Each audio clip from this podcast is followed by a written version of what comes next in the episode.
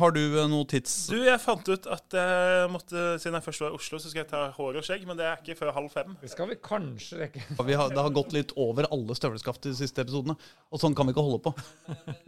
Nei, men Da bare setter jeg i gang, jeg.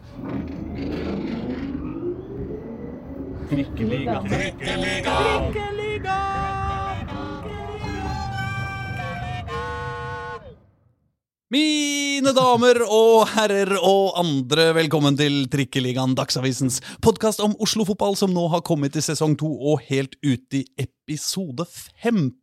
Jeg heter Aslak Borgersrud, og mumlende der borte har vi Reidar Solli. Som vanlig. Og vi sitter i eh, Dagsavisas eh, største møtelokale i dag med eh, breddefotballekspert, eh, medlem av eh, det nærmeste Årvoll, kommer en fotballadelsfamilie, eh, og dessuten fast deltaker i vår høyst ærede podkastkonkurrent Toppfotball, Jørgen Kjernås.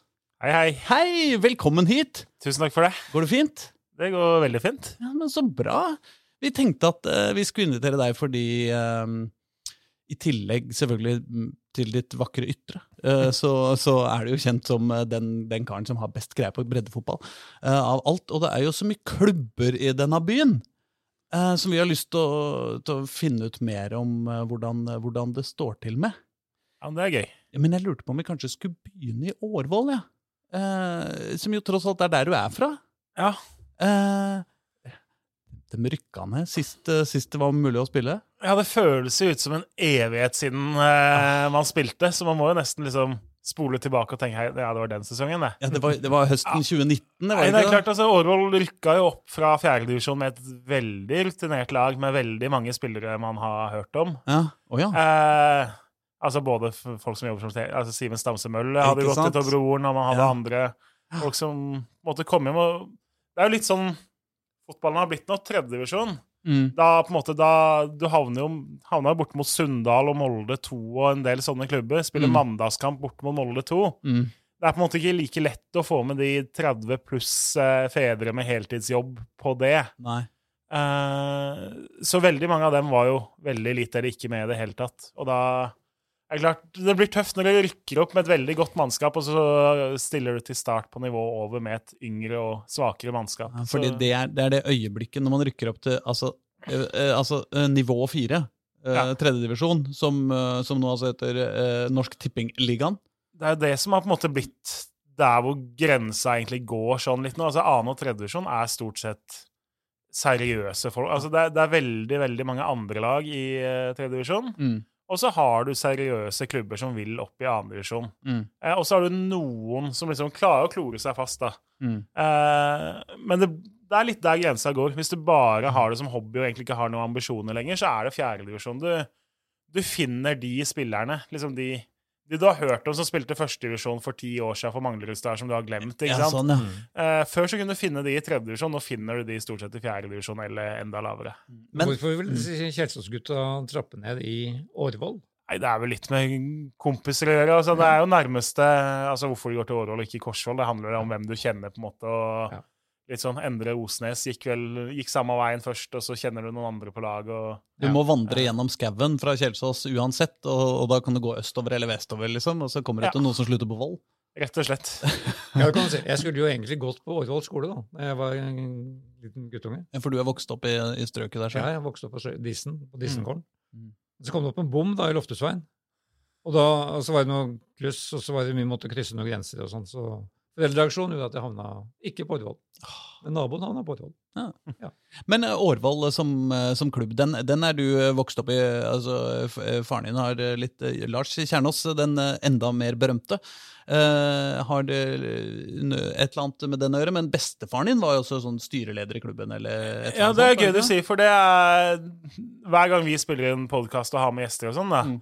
så spør jo folk hvordan det går med fatters, fordi veldig mange kjenner jo han eller kjenner til han og sånn. Mm. Eh, Så har vi hatt med, vi har hatt med Per Ravn Omdal, Mm. og så har vi hatt med Arne Skeie og Ivar Hoff. Mm. De har spurt liksom om bestefar Ja. isteden, og det er jo litt gøy, for han eh, Akkurat Årvoll var han vel inne, men han var daglig leder i Oslo fotballkrets i Ja, ja, 15 det er år, i hvert fall. Ja. Og jobba jo der både før og etter han var daglig leder, så han hadde vel på en måte 25-30 år av sitt yrkesliv i Oslo fotballkrets. Jeg, jeg, kan, ikke, kan ikke du en gang til bare nevne hvem, hvem, eh, Hvilke personer var det du nevnte meg i sammenheng med nå igjen? Ja, det var, Ja, nå var det Ivar Hoff, Per Ravne Omdal og Arne Skeie, så det var, Ja, det var... herlig firkløver, det, var det ikke det? ja, ja, ja, på en måte litt, litt Det, det hadde vært en fin sånn Firestjerners middag-episode. Ja. Ja, ja.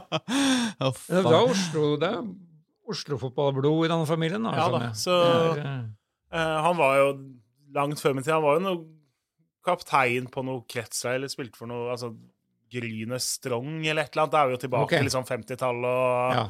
den Den tida. gang holdt på på med kretslag òg, da. antagelig. Ja, den da, dagen hvor det ikke Eller den tida hvor det ikke var helt delt opp sånn som det er nå. på en Ja, måte. det, ja. Ellers er jo Årvoll eh, det stedet hvor man eh, Når du kjører innover eh, Østre Aker vei, og plutselig så ser du noen som hopper med hangglider eh, oppe på, eh, på, i, på kanten der, så er det gjerne Da er du, da er du i nærheten av Årvollbanen. Ja da, det er jo Det var jo gammel hoppbakke der. Og det, det hendte Vi trente jo ofte i lia der, fordi på den tida var det jo gress på Årvollbanen. Eh, Mm. Og det var jo ganske hellig. Det var liksom, det var A-lag, og du, du Ja. brukte ikke det før langt ute i mai, og seinest i august, liksom. Mm, mm. Så vi trente jo i Årvoll, ja. Da hendte det jo vi hadde noen treninger hvor du måtte passe deg litt for å ikke få en fyr med hangglider i huet isteden. Det er veldig fin bakke. Det må jo være mye aking der òg, altså. Jeg har prøvd den én gang på sånn her, uh, glidematte. Det var siste gang. Det, det gikk fort. Ja, For det er 100 meter uh, Det stoppa ikke opp. der. altså, vi tenkte ok, det kommer jo, farta kommer jo til å avta. Liksom. Vi dundra inn i det gjerdet som er liksom 150 meter borte der. Så. Så det var rett inn i, inn Ja, i Hadde det ikke vært gjerde der, så hadde det vært midt ute på Trondheimsveien. Så det, ja, ja, ja, det er Trondheimsveien, selvfølgelig. Ikke Østre Aker. Altså, Ja, altså, unnskyld. Så er det Bjerkebanen rett på andre sida Herregud, liksom. skal jeg bomme så grovt i, i Oslo-geografi Ja, allerede? Vi skal rette det opp i, Aslak. Ja, det er bra. Jeg husker jo den banen først og fremst fra da Vålerenga spilte første runde i cupen der for en eh, tre-fire år siden. Stemmer. Var du der, eller? Jeg var der. Å, jeg tror det Da var vi der alle tre, da. Ja, så, men, Ja, 7-8-0. vel. Men det var jo 0-0 en god stund. Og god, Var det en liten halvtime, var det ikke det? Noe sånt noe? ja, Det kan godt stemme, ass. Det var også holdt å si, Det gikk vel fra 1-0 til 4-0 eller 5-0 sånn før du rakk å tenke. Når første kom, da Ja, det kom det voldsomt, men uh... Og så hadde jeg, jeg, jeg måtte sjekke litt den, den kampen på uh, i, Jeg måtte google den opp, Mm. eh, opp litt nå i stad. Og det, det var mye det var ganske mye hardt skytt på benken der fra Vålinga da. Så hvis det skulle liksom virkelig bli hardt, så hadde det jo kommet inn noe, eh, det, noen eh, enda litt tøffere motstand, kanskje. Men hvem heider du på? eh, Årvoll, så klart. Det, det er jo ikke Vålinga som er mitt lag. Nei, det er ikke det. Hva, hvem er de? Det er jo Hønefoss som har blitt laget mitt av uh, alt mulig. Hønefoss? Hvorfor det? Eh, Det handler jo om hvor faren min har vært trener, da. på en måte. Eh, Så det burde vært Wimbledon. Ja, det er det òg, da. Eh, så det det, også, ja? er Wimbledon i England og Hønefoss i Men altså, faren din har vært trener i Vålerenga også! Ja, altså, jeg er jo en av de som gjennom tidene har Altså, jeg har jo holdt med både Stabæk og Vålerenga og Lillestrøm sånn mer eller mindre. Eh, for det blir jo på en måte Man følger jo det. Men så er liksom Hønefoss festa seg, da. Og det Altså, hva er det jeg For det første, jeg var 14-15-16 år da han var der. Liksom Mm. Litt den alderen at du Mm. utvikler mye kraftigere egen Mm. identitet, da. Ikke bare følge, holde med det laget faren din til enhver tid er, er med. Eh, også sånn, ikke sant, mindre klubb, mindre, det ble liksom en del av supportergjengen istedenfor liksom å bare sitte og se på, liksom. da. Så Ja, sånn, ja. da han slutta der etter 2003, så, så forble det mitt lag. Og det Betyr det at du, at du setter deg og kjører over eh, Eh, toppen der og drar innover og ser kamper på altså jeg, Nå er jo ikke Nå er jo på en måte Nå er jo full jobb og to unge og sånn. Jeg, mm. jeg fant ut at jeg, har, jeg mangler Finnmark, og så mangler jeg Aust-Agder fra gamle fylkesinndelinga. Så mm. har jeg sett Hønefoss da Så jeg har sett Hønefoss i 17 av 19 tidligere fylker. Der. Og det Uh, ja. Så du alle fylkene nå, da? Jeg var ivrig. Men altså, da, da Lars uh, trente Vålerenga, mm. 98 90, eller?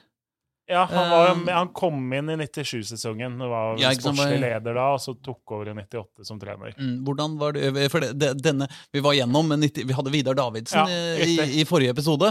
Uh, og Der er det jo noe greier. Vi trenger ikke å blande deg inn i den, uh, inn, inn den historia. Men, uh, men uh, da var du sånn type 13 år? Jeg, ble, jeg var 11, da. Var jeg, 11, unnskyld, ja. Eh, åssen ja. var det å ha en, en far som trente Vålerenga? Det er jo litt sånn Man merker jo det, på en måte, fordi Spille fotball selv, ikke sant? Og Mm. så er det litt sånn Du, du kommer og er en veldig middelmådig elleveåring, liksom, Mm. eh, på et veldig middels lag, og så hører du liksom motstanderen Å, det er Vålerenga-treneren på tribuna, liksom, oh, ja. og litt sånn å finne ut Ja, sønnen hans, og det er han, liksom. Du, Ja. eh, og du veit du har foreldre til folk du spiller med, som er veldig Vålerenga-supportere, som Ja. sikkert syns det faren din gjorde på søndagen, var helt håpløst. liksom, Å la han spille høyrebekk istedenfor han andre, eller å bytte han etter 50 minutter, liksom. Mm. Eh, eller at du taper for Brann, eller taper for hvem det skal være, da. Det, altså, jeg merka jo ikke sånn mye til det, men Mm. klart du merker jo litt sånn rundt deg på en måte at det er jo noe spesielt liksom eh, På en sånn måte. Men, men det er jo ikke noe sånn det er jo ikke noe sånn kjendisfaktor over det. Det er jo på en Nei, måte, det er jo ikke akkurat noe sånn se og hør-faktor, men at eh, liksom i fotballsammenhenger og sånn, så merker man jo litt ekstra oppmerksomhet på det, da. Og så etter at eh, Altså, eh, Lars var hovedtrener i Vålerenga i eh, 98, og så eh, kom Drillo inn eh, midt i sesongen, og så dro de, dem begge to til Wimbledon i 99 Sommeren omtrent, da. Sommeren 99, 99, ja. Sommeren 99. Mm. Og da ble du med. Da ble jeg med. Så da ble det jo et år i eh, London der. Ja. Det, det er jo et år man husker veldig godt, da. Eh, selv om det ble jo ikke noe sånn engelske tilstander. Jeg gikk jo på norske skolen i Wimbledon, Ja. som jo beleilig nok ligger akkurat i Wimbledon, da. Å ja. Eh, Mm. Så den, der bodde jeg 200 meter unna kunne gå til skolen og Ja. eh, sånn. Men det er klart, vi var jo Det ble mye fotball det året. Eh, vi så jo eh, For det første så er jo fattern QPR-tilhenger. oh, ja. Og de hadde mye sånn fredags- og mandagsmatcher. Litt sånn, det er jo litt flere kamper på det nivået, så det er ofte mye tirsdagskamper og litt sånn òg. Mm. Så vi var, vi var mye og så de spille. Eh, så reservelagsfotball. Så Charlton spille, så Brentford spille. Altså eh, Jeg var jo stor nok til å liksom få være med på det meste der, og da var det jo ofte sånn eh, inn på VIP-tribunene fordi du kommer som Wimbledon-representant og har med en. Så jeg havna Vi var på Chelsea-Nottingham, tror jeg, i ligacupen eller et eller annet sånt noe. Mm. Eh, på VIP, og liksom jeg måtte ha på meg liksom ha på meg den ene dressen man har når du er 13 år. ikke sant? Du har én dress som ikke helt passer. Og, uh, inn der og liksom skulle spise den der kanapeer og sånn. Vi hadde ikke fått plass ved siden av hverandre, så fatter satt liksom to hakk nedafor. Jeg sitter på rad 71. Mm. kommer en svær fyr ved siden av meg og setter seg, og du merker liksom når liksom folk snur seg og sier Ken Bates, da, som eier Chelsea på den tida, som jeg da hadde fått plass ved siden av. Så, så jeg fikk noe sånn blikk fra fatters da, liksom sett Altså, oppfør deg, liksom. Ikke, ikke, ikke sitt og pell deg i nesa nå, liksom, for det kan hende du blir filma, liksom. Mm, Ikke rap Nei. veldig høyt. Altså. nei. Så da, det var litt sånn stiv pinne, sitte ordentlig. Men altså, vi må jo uh, uh, vekk fra London og tilbake til eh, Norge. Bredde, breddefotball og Oslo, Oslo-bredden em, er jo det vi skal snakke om. Vi skal prøve å komme oss gjennom de fleste av eh, klubbene, i hvert fall i øvre del av, eh, øvre del av bredden. Ja. Men går det an å si noe sånn generelt, altså eh, Altså, Breddefotballen har jo vært stengt. Det spørs jo riktignok litt på hvordan du hvordan du Definerer, ja. bredden, og hva som er bredde, og hva som er topp. og, og sånn, men, men som hovedregel så har bredden vært stengt. Ja, det er jo spesielt Altså, de, de har jo ikke fått trene. Eh, nedover fra tredjedivisjon ned, så har man jo knapt Ikke sant? Du får røre ballen, men det er så mye begrensninger at Mm, eh, mm. de som har klart å holde oppe treningene, det blir, ligner jo ikke på noe av det du driver med ellers, fordi eh, en stund så måtte du liksom ha én ball hver, og du må ha avstand, og nå må det være fem per gruppe, og så kan neste Mm. gruppe komme etter det, og eh, Så ha, jeg vil jo si at vi kan kalle det stengt. Det, det er så godt som stengt. Jeg, kan, jeg fikk en mail fra Lokomotiv Oslo som jeg lurte på hvordan det sto her. for Jeg prøvde å sjekke opp noen av disse klubbene. Vi har hatt én organisert trening siden 10. november Ja. til 19. april. Ja. Så har de begynt, begynt nå, da. Ja. Men det er fortsatt begrensninger på hva de kan gjøre for noe. Ja. Men det gir, det gir jo litt av bildet. Én trening organisert. Og de, er i, de har ambisjoner til tredjevisjon, Hvorfor de må holde seg? Ikke sant? Hva, hva, hva slags liksom, Hva slags konsekvenser får det sånn i det store? Tror du liksom eh, altså Har norsk fotball liksom på ekte blitt satt ordentlig tilbake? Jeg Tror du kommer til å få se når vi endelig kommer i gang igjen, at det er et vesentlig tynnere klubbkart. da. Mm. Eh, det kommer til å være veldig mange færre lag som stiller til start fordi man sliter med å eh, De som var på nippet til å gi seg, men som alltid Som du klarer å overtale til å bli med liksom i april når snøen er borte og det begynner Mm. å bli plussgrader, de har på en måte gitt seg for godt nå. Ja. Nå, nå er det halvannet år siden mange av dem har trent fotball, og liksom. Det er ferdig. Så Og så er det klart, altså tredjevisjon, da. Det er mange unge, gode, ambisiøse spillere på ganske mange klubber der. Mm. Eh, noen av de kunne finne ikke sant? Det er mange i tredjevisjon som er bedre enn mange som spiller andredivisjon. Det er litt tilfeldig hvor, hvilken klubb du hører til og sånn. Eh, klart, Hvis du ikke får spilt fotball fra du er 19 til du er 20 og et halvt år, Mm. eh, så sier det seg jo selv at du havner jo veldig bakpå kontra en fyr som har fått trene normalt og spille kamper og eh, ja. Mm. Så hvis du tilfeldigvis spilte for Kjelsås istedenfor Lyn i fjor, da, så vil du jo ha et enormt forsprang på en som du var jevngod med uh, Mm. for halvannet år siden. Ja, det er, og og det er vel, vi har sett Noen av klubbene merker jo, har merka det allerede. da. Særlig Nordstrand for eksempel, har jo Ja. mista en rekke til nivået opp, og, og Lyn. Lyn har jo mista nesten noen. alle de der eh, Ja. sin ene generasjonen, nesten. Ja. Ehm, og Rommen snakka jeg med. De er også spillere som liksom vakere, som, som har ambisjoner. Mm. Som du sier, da, da er, må de benytte sjansen til å gå, hvis de, hvis de får muligheten. Alle disse klubbene skal vi komme tilbake til. Men lurer på, siden vi nå først er i en uke hvor det for en gangs skyld har vært noen treningskamper, eh, så syns vi det er ganske gøy å, å, å snakke om dem. Og da lurer jeg på om vi rett og slett skal forlate bredden et lite øyeblikk og, eh, og, og, snakke, om, og snakke om toppen. Vålerenga, for eksempel, da. Ja. Eh, For å ta et lag som ligger meg nokså nok så nært eh, hjertet mitt. Eh, Spilte mot, spilte mot Jerv. Slo dem 3-1. Så du den kampen, eller? Jeg så nesten hele. Missa bitte litt av slutten. Det var mye kamper på søndag, så man måtte liksom måtte switche litt. Men, men Har du noe troa på, på Vålerenga i år? ja, kort og godt. Ja.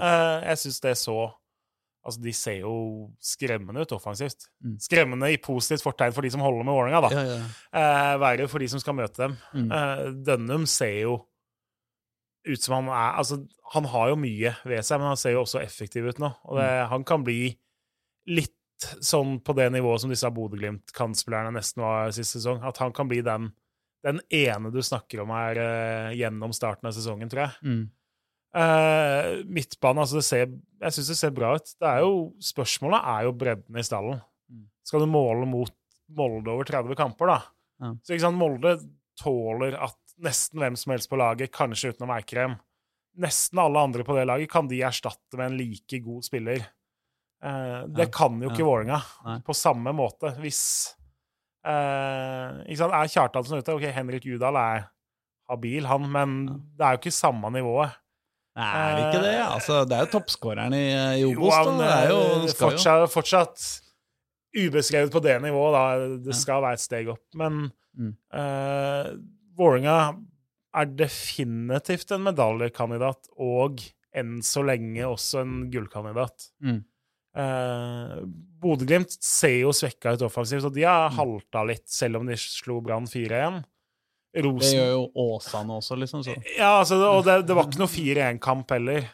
Eh, Rosenborg ser Rosenborg kommer til å slippe inn lite, de er solide, men de mangler mye i det offensive spillet. Så liksom eh, jeg, jeg holder Vålerenga som favoritt den første matchen her mot Rosenborg. ja. Eh, holder dem som et hakket bedre lag i øyeblikket. Mm.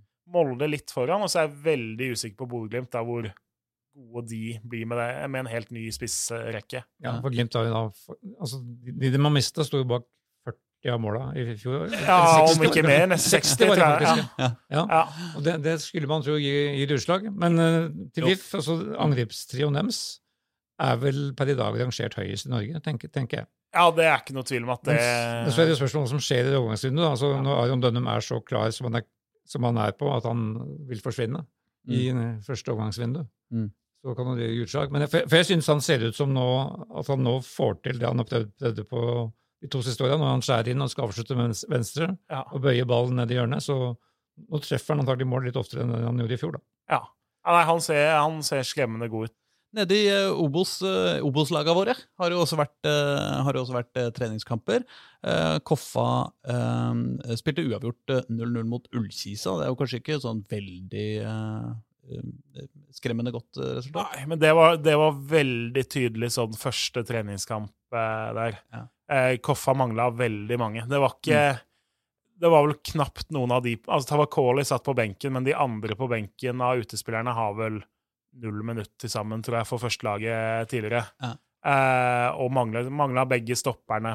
Fredheim Holm var jo tilbake igjen. Ja. Eh, så liksom, og samme Ullkisa og hadde vel 25 mann ute på banen tror jeg, i løpet av matchen. Så det var definitivt mer trening enn kamp, og lyse liksom første nå er, nå er det så vidt i gang igjen. Liksom alle har fått kjent på ballen og hatt på seg drakt og fått takla noen som de ikke kjenner. liksom, og litt sånn. Så Ja, for de fikk jo avlyst første treningskampen sin pga. korona i, rundt troppen. Men jeg vet ikke om det kom noe korona inn i sjølve troppen eh, der. Jeg fikk ikke inntrykk av det. Nei, da, nei, de da, jo det, uansett var det var den første treningskampen deres. ja. det var familie til en av, en av, en av spillerne. Ja. Det kom ikke inn i troppen. Ja. Nei, men klart Når du mangler Jørgen Hammer og Stian Sortevik, Jesper Toje, som skulle jo debutert, han var heller ikke med, Mansour Geie, som var den andre midtstopperen, Bilal og Robin Rask, alle disse er ute. Ja, Altså, hva, det er jo folk spør hva er, hva er igjen da? ja. Men de, de starta faktisk med fem av de som avslutta siste seriekamp mot Raufoss i fjor. Men alle profilene var ute. Så det, ja, det kan du si. Mm. Nesten. nesten. Mm. Og de skapte sin første sjanse i 91. minutt. Så, Ja. Ja. Og jeg snakka med Jørgen Isnes etterpå, som han sa det, det var en trening, først og fremst. Det var for å komme i gang. ja. Men hvordan, hva, hva tror du om Koffas eh, sjanser i år? Det er jo på en måte det laget som skal være nærmest å, eh, å, kunne, å kunne rykke opp da, til Eliteserien. Ja, altså Av- av Oslo-laga Oslo- så er det definitivt det. Eh, at Koffa er et av de lagene som ligger da liksom mellom Mm. femte til åttende, niende, tiendeplass, det tror jeg. Grorud har vært om å gjøre å ikke, ikke rykke ned. Eh, så har de bytta trener siden sist. Eirik Kjønne forlot klubben til fordel for Stabæk. Men også har de fått inn Aksel Bergo. Kjenner du han, eller? Kjenner ikke han noe sånn annet enn liksom omtale. Man prøvde å høre altså, folk i fotballmiljøet skryter liksom veldig av Mm. på en måte fotballkunnskapen hans. Mm. Eh, og så er det jo lenge siden måte, han har vært hovedtrener. liksom. Eh, det blir jo noe Det er jo ikke alle gode fotballteoretikere som får det til ved å være fotballtrener heller. Eh, og det er et høyt nivå å teste seg på der, så Men jeg tenker altså Grorud har jo truffet veldig godt med eh, Rolf Teigen. Var jo en ekstrem på en måte fotballkjenner, mm. som de jo tok inn på benken. Kjøne er jo litt den teoretiske skolen, han òg. Så Mm. de på en måte De har liksom funnet litt sånn sti der, da, at det er der de vil gå eh, med trenertypene sine. Ja, ikke sant? De vil ha sånne eh, flinkiser. Ja, En som har på en måte brukt mye tid på å studere fotball før han tar på seg trenerhatten, rett og slett. Teorien er, er, ligger i bånn der, ja. Ja. Er. Men, men har du noe tro på Tror du de greier å unngå uh, nedrykk? Det er litt, altså Jeg er jo fra Groruddalen sjøl, og det er jo litt vondt å si nei, da. Mm. Uh, men det er klart, de, de var jo litt sånn typisk nyopprykka lag i fjor. Som fløy ganske fint første halvdel, Ja. og så var på vei mot krasjlanding på slutten. Men Mm. Fordi du hadde tatt såpass mye poeng i starten, så holdt de akkurat unna. Mm. Eh, ikke Det var vel en, en scoring unna ikke det? Ja, det var ikke langt Altså, på slutten De slo i Kongsvinger i den der eh, avgjørende Mm. Eh, Hadde de tapt den, så kunne det fort gått gærent. Men det handler jo også litt om at laget som Fredrikstad som nevnt, er jo ikke noe lag som kommer til å være i bunnen. Det vil overraske meg. Ja. Så på en måte du, du har mista Kongsvinger og Øygarden, som var dårlig, men Ja. så får du opp et Fredrikstad som er mye bedre enn de to. Mm. Og så tror jeg også Bryne er hakket mer solide enn de eh, lagene som rykka ned. Ja. Og Bryne har jo litt muligheter mot altså, Det er jo en klubb med mye historie, og litt sånn Hvis det brenner der, så ser jeg jo for meg at de kan få med noen til å liksom punge ut for en eller to gode spillere som Grorud ikke er i nærheten av å hente da, på, Ja, ja. før siste halvdel av sesongen. Ja. Så, så nei, det er, det er jo vondt å si, men det er vanskelig å finne liksom eh, i hvert fall tre klubber å plassere under Grorud på et uh, tabelltips. Mm. Uh, rett og slett. Og det handler jo ikke sant, om Over lang tid sant, så vil jo ressursene og budsjettene på en måte til slutt gjenspeiles i tabellen. Det går én sesong eller to eller toppen tre, men Ja. uh, er du minst i Obos-ligaen, så til slutt så tar tyngdekraften deg. Men som, som Groruddøl sjøl, har, altså, har du noe tro på at den klubben kan vinne folkesjela i, i dalen? det, altså, det er jo en tøff jobb. Vi, man prøvde jo med Groruddalen ballklubb for eh, 15 år siden. Ja. Eh, hvor da de seks største klubba jo slo seg sammen og man spilte annendivisjon. og eh, sånn. Det funka jo ikke i det hele tatt. Da klarte man jo ikke å skape noe identitet. Folk dro heller og så Grei spille tredjedivisjon, og så Årvoll spille tredje- og fjerdedivisjon, og så ikke sant, enn å dra og se på uh, Groruddalen ballklubb. Så det er jo dessverre litt sånn at uh, det sitter langt inne for folk som ikke er fra liksom, Grorud, å ha det som sin klubb. Men jeg tror også det blir noe annet for de som vokser opp nå, da. Mm. Eh, før så har det liksom vært OK, hvor skal du gå hvis du er en lovende spiller og vil satse på fotball? Mm. Liksom, det er Vålerenga som det handler om å havne hos da. Ja. Uh, er du ikke god nok der, så går du til Skeid, som på en måte er det nest nærmeste. Mm. Eh, I verste fall så går du liksom til Kjelsås eller liksom. Du har liksom ikke så mange du, du måtte ut av dalen. Mm. Nå kan du gå til Grorud for å faktisk bli en toppspiller og liksom Mm. eh, tenke at det er en fornuftig vei å gå for å lykkes med fotballen. da. Jeg tror Grorud kommer til å bli over en tiårsperiode så kommer det til å være et sånt lag som ligger relativt høyt i andredivisjon de fleste av sesongene. Mm. Jeg tror ikke det liksom kollapser, for de har bygd ganske solid både liksom Rent med bane og uh, hall og alt, hall liksom alt rundt ja. selve der. Og de Mm. sant, satser på junioravdelinga og satser på å bygge fra bunnen av. Mm. Uh, så jeg, jeg syns de har gjort mye riktig der, men så, så, altså, fotballens tyngdekraft kommer til å ta dem. Mm. Eh, du, må liksom, du må gjøre det så mye bedre enn de klubba som har dobbelt så stort budsjett over liksom så mange år. da. Ja. At, eh, Oskar Haga må bli toppskårer med, med veldig mange mål. Ja. Opp i tosifra, tenker jeg, hvis vi skal klare seg. Ja. Og så må Preben Mankovic, som nå har passert Han er vel 31 år nå. Mm. Uh, han, han må ikke bli skada. Ja. Og så får vi hoppe på resten. ja. Så er, viser det jo litt ambisjon når vi valgte å ikke selge Martin Høiland til. Tromsø. da. Mm. Så viser man jo at man er ikke bare liksom en utviklingsklubb som skal sende spillere videre i systemet. Det, vi fikk vel et soli, eller brukbart bud på han. på en måte Ja. Møtte vel ganske langt på vei det Grorud ville ha. Ja. hvor, Eh, hvor mye penger snakker vi om da, tror du? Eh, Jeg tror ikke du snakker million, men jeg tror du snakker et sted Hvis du sier mellom en halv og en million, tipper jeg du er et eller annet sted på det de Mm. hadde fått for han. Mm.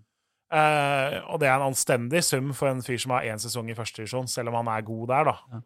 Så, så jeg syns jo det er litt tøft. Jeg er litt overraska, for det trodde på en måte ikke Grorud skulle være liksom tøffe nok til det, hvis det Mm. går an å si det sånn. Ja. Men uh, Men Så har inngått en samarbeidsavtale med Stabæk da, i, i forbindelse Ja. med Kjø- Kjøneks ja. overgang, men jeg, jeg har jo syns jeg har hørt om så mange samarbeidsavtaler mellom norske klubber som aldri har gitt noe utslag. Eh, Jeg syns liksom det er en endeløs eh, 17. mai-taler. Jeg ser i forbindelse med disse samarbeidsavtalene. Ja. Det kan jo selvfølgelig, selvfølgelig skje noe, da. Da må du ikke glemme ikke eh, Manchester United eh, og Oslo øst. Nei, Eh, det var jo selvfølgelig der, Det var jo unikt. Det førte jo til enorm strøm av spillere fra Manglerud til, til Manchester. Men, men for det, før vi forlater så må vi jo få nevne at de faktisk spilte 2-2 da mot Strømmen på, på lørdag. Men de leda 2-0 på, på lørdag. Ah, Eh, slapp inn to på slutten. Men uh, Oskar Daga skåret det første, og så var det da en, ny kar med Bjørn Martin Christensen. Ny kar fra Nordstrand. stemmer det. Et, et av de mange eksemplene på tredjevisjonsspillere som Ikke må ta sant? et steg opp. Ja. Så han fikk da sjansen på Grorud på lørdag. Men dere, vi, må, vi, vi skal jo til bredden. Ja. Det er jo dit vi egentlig skal, og nå er vi jo fortsatt i toppen. Og, og, og, og, jaggu har vi ikke kommet oss helt ned til PostNord engang, så vi får gå- litt fort gjennom laga våre i, i, i PostNord også. Hvis vi begynner på Grefsen stadion, da. eh, Med Kjelsås. De har jo vært i, i vinden i, eh, i, i vinter pga. denne Jesper Toie-overgangen, hvor, eh, hvor, de, hvor de trodde de hadde henta sin, eh, sin eh, utvandrede sønn tilbake. Og så tok det ca. et kvarter før han ble snappa opp av Koffa isteden. Hvilket førte til nytt ondt blod eh, i, i serien. Men hvordan, har ellers liksom, utviklinga vært der fra i, år, fra i fjor til i år, tror du? Nå gikk jo Walid Idrissi gikk jo også til Han gikk jo til Strømmen, blant annet. Mm. De mista jo flere av de mest lovende spillerne på tampen av vinduet sist òg. Og det, det var jo en dårlig sesong de la bak seg, egentlig. Mm. Eh, jeg tror både Kjell... Altså, jeg hadde regna med at Kjelsås skulle være mye bedre enn det de var i 2020. Jeg er ganske Ja. sikker på at Kjelsås også Ja. hadde trodd de skulle være bedre enn det. Så Kjelsås er jo et lag det er vanskelig å spå. Fordi For det første altså, Kanskje ikke kalle det mangel på ambisjon, men altså, de er jo egentlig fornøyd med å være der de er, sånn som det ser ut utenfra. Og selv om Ja. de sikkert vil si noe annet, og sant, vi skal være i toppen og sånn. Mm. Hva er det de har nå? Er det 20 sesonger de har bak seg i annen divisjon? Mm. En divisjon hvor det er så store forandringer. Og. Eh, men nei, de uh, De henter jo du ser, ikke sant? De henter jo fra tredjedivisjon stort sett, og henter jo for så vidt spennende tredjedivisjonsspillere og satser på å ta dem videre. Uh, mm. det er veldig Fram til man får se noen treningskamper, så er jeg veldig spent på hvor de står igjen Mm. eh, foran den sesongen her. De hater jo hver gang jeg sier det, men Kjelsås for meg det er jo en skiklubb. det, det kommer du ikke forbi. For meg er det eh, de som har mer Drillo enn Drillo, liksom. Men nå er det jo Eivind Kampen, da. Og uh, dy dyreelskeren uh, fra, fra, fra fjellet. Du må vel like hunder for å være Kjelsås-trener, er det ikke sånn? da? Jo, vi, vi hadde et eh, langt intervju med han for eh, et par måneder siden her. Eh, og altså, det viser seg jo at han aler opp edderkopper i garderoben for å, for å, å, å liksom eh, eh, Han mater, mater alle fuglene rundt på Grefsen stadion, er eh, under eh, trenerens kommando, altså. Men Stig Mathisen hadde vel to bikkjer? Eivind har vel kanskje bare én? Jeg tror han bare er én. Altså. Ja.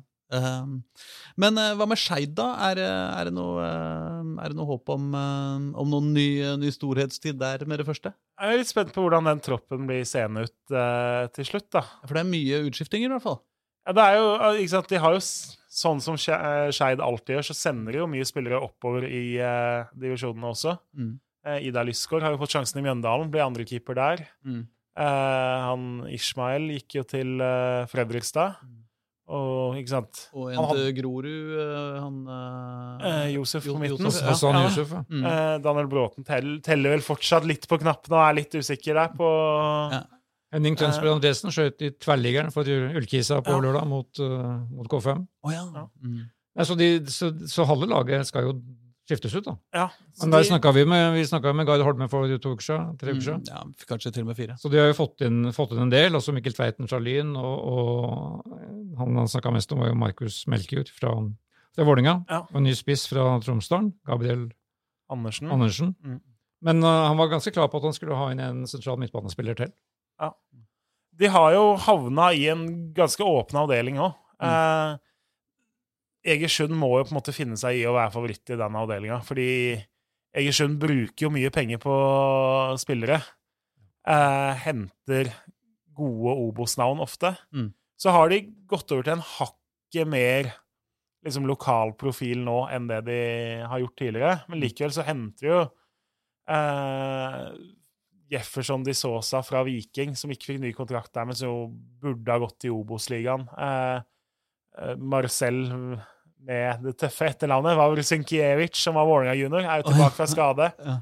Eh, Alexander Dang er jo en mann man kjenner til, som kom på lån eh, til dem i fjor. Og eh, Kjente du ikke til navnet? Nei, altså? nei, nei, men, men, eh, men også et glimrende navn. Ja altså. Alexander Dang. Eh, som jo har skåra masse i andre som har spilt for Jerv og Ness Sotra Å, ja, i Obos-ligaen, og som Mm. da går videre dit. Mm. Eh, så de henter jo spillere på en helt annen hylle. ikke sant? Skeid har jo fordelen at de er en Oslo-klubb ganske sentralt. Mm. Du får litt tilfang, liksom. Du får tilfang av de som ikke når opp i Vålerenga. Ja. Du får tilfang på folk som flytter fra Nord-Norge eller Tønsberg eller hvor det skal være, Mm. og kommer til Oslo og vil satse på fotballen, er ganske gode. Og du? Men til gjengjeld, da, du kan ikke lokke til deg spillere som du har litt lyst på.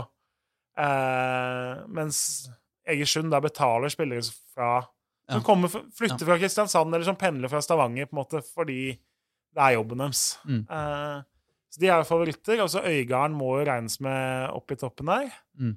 Uh, Arendal varsla jo at de skulle Arendal har vært litt samme som Egersund, at de har jo betalt veldig mye til veldig mange. Og liksom, det har vært litt vill pengebruk og mye bomtreff. og eh, Mange har gått til Arendal for å tjene godt eh, gjennom åra. Ja. Varsla litt mer lokalprofil, og så henter de likevel på en helt annen hylle enn det de varsla i starten. Så de så ut som de liksom skulle nedgradere satsinga litt, men ser også ut som et mer og mer ut som et topplag for hver første- og førstedivisjons- og eliteseriespiller de henter nå. Da. Mm. Så per nå så, så er de ett av fire mulige topplag der, da. Så Skeid blir et topplag, men uh, nøyaktig hvor bra de blir, det er jeg litt usikker på. De har jo samme, samme posisjon som Grorud, at de har annetlaget sitt i tredjedivisjon, Ja. som rykka opp Det var fjerde. Så, så de, har, bra Ja. altså de har en ganske brei tropp totalt sett, da, Ja. man teller med dem. Og så er det jo den situasjonen at de har fått en masse ekstra penger, da, men også penger som de har lovt å ikke bruke på, eh, på spillekjøp Ja. eller, eh, eller lønninger. Ja, og det er jo helt riktig. Eh, som Årvoll-gutt så er jeg jo by default ikke så glad i Skeid, egentlig. Men Mm, mm. jeg ble jo glad i fotballhjertet da jeg så at altså, det hadde vært kjedelig hvis de nå hadde spleis, eller sendt ut fem millioner på økte lønninger til A-laget fordi nå skal vi opp, liksom. Ja, ja. De gjør det jo helt riktig når de får den eh, arven. Det Mm, er sånn som de har varsla, så det, Ja, ja. det er godt å se. Og Og det det er, må de følge, de er, de er jo veldig klare på det. og det, er det Skeid skal være òg. hadde jeg vært Skeid-supporter, så hadde jeg også, tror jeg også jeg hadde blitt forbanna hvis du hadde brukt de penga på noe annet enn liksom det som er Skeid. Ja, og det er klart, Skeid kommer jo til å være en uh, viktig Oslo-klubb også om 20 år, og om 30 år og 40 år. Uh, mest sannsynlig, da. Ja. Eh, sånn, at, eh, sånn at det vil jo være så, Og det, det er jo om å gjøre at de greier å spre de penga breiest mulig utover. Men nå må vi nedover i, Så eh, til i bredden. materien, som ja, gamle så, så til materien. lærer. Som, som vi pleier å si etter når vi har snakka altfor langt om alt. Uh, ikke fordi at Altså, uh, under PostNord, i det dype mørket, uh, så, så er det en, en masse ligaer, holdt jeg på å si. Det er én liga med masse avdelinger som, som heter Norsk Tipping. At de ikke kunne kalt det for Tippeligaen, da. Det hadde jo vært jævlig mye gøyalere. Men de kalte det altså for Norsk Tippingligaen. eh, og hvor det er utrolig vanskelig egentlig å finne ut av hva det er som foregår.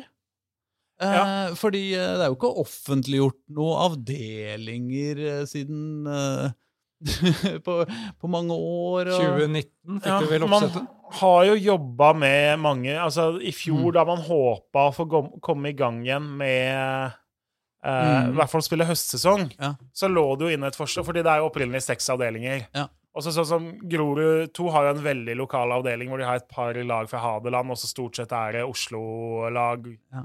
Eh, og Romerike. Mm. Men Skeid 2 skal jo opp og møte liksom Skånland og eh, Skjervøy og de laga der. på en måte, De skal jo Det er åtte-ni lag fra Nord-Norge? Ja, de skal besøke mer eller mindre hele Nord-Norge. Eh, Hvis det blir sånn, da. ja, og det er jo det man da la inn et forslag om i fjor, om mer lokale avdelinger. Så da, da man ville starte opp i høst, så hadde de delt opp i tolv nye avdelinger som var mer lokale. Mm. Eh, ikke sant? Syv nordnorske klubber sammen. De Mm. to klubba fra Bodø med fem fra Midt-Norge, resten av Mm. Midt-Norge. ikke sant? Hordaland sammen. Mm. Frigg og sånn skal jo egentlig over og ha elleve kamper på, rundt Bergen. Mm.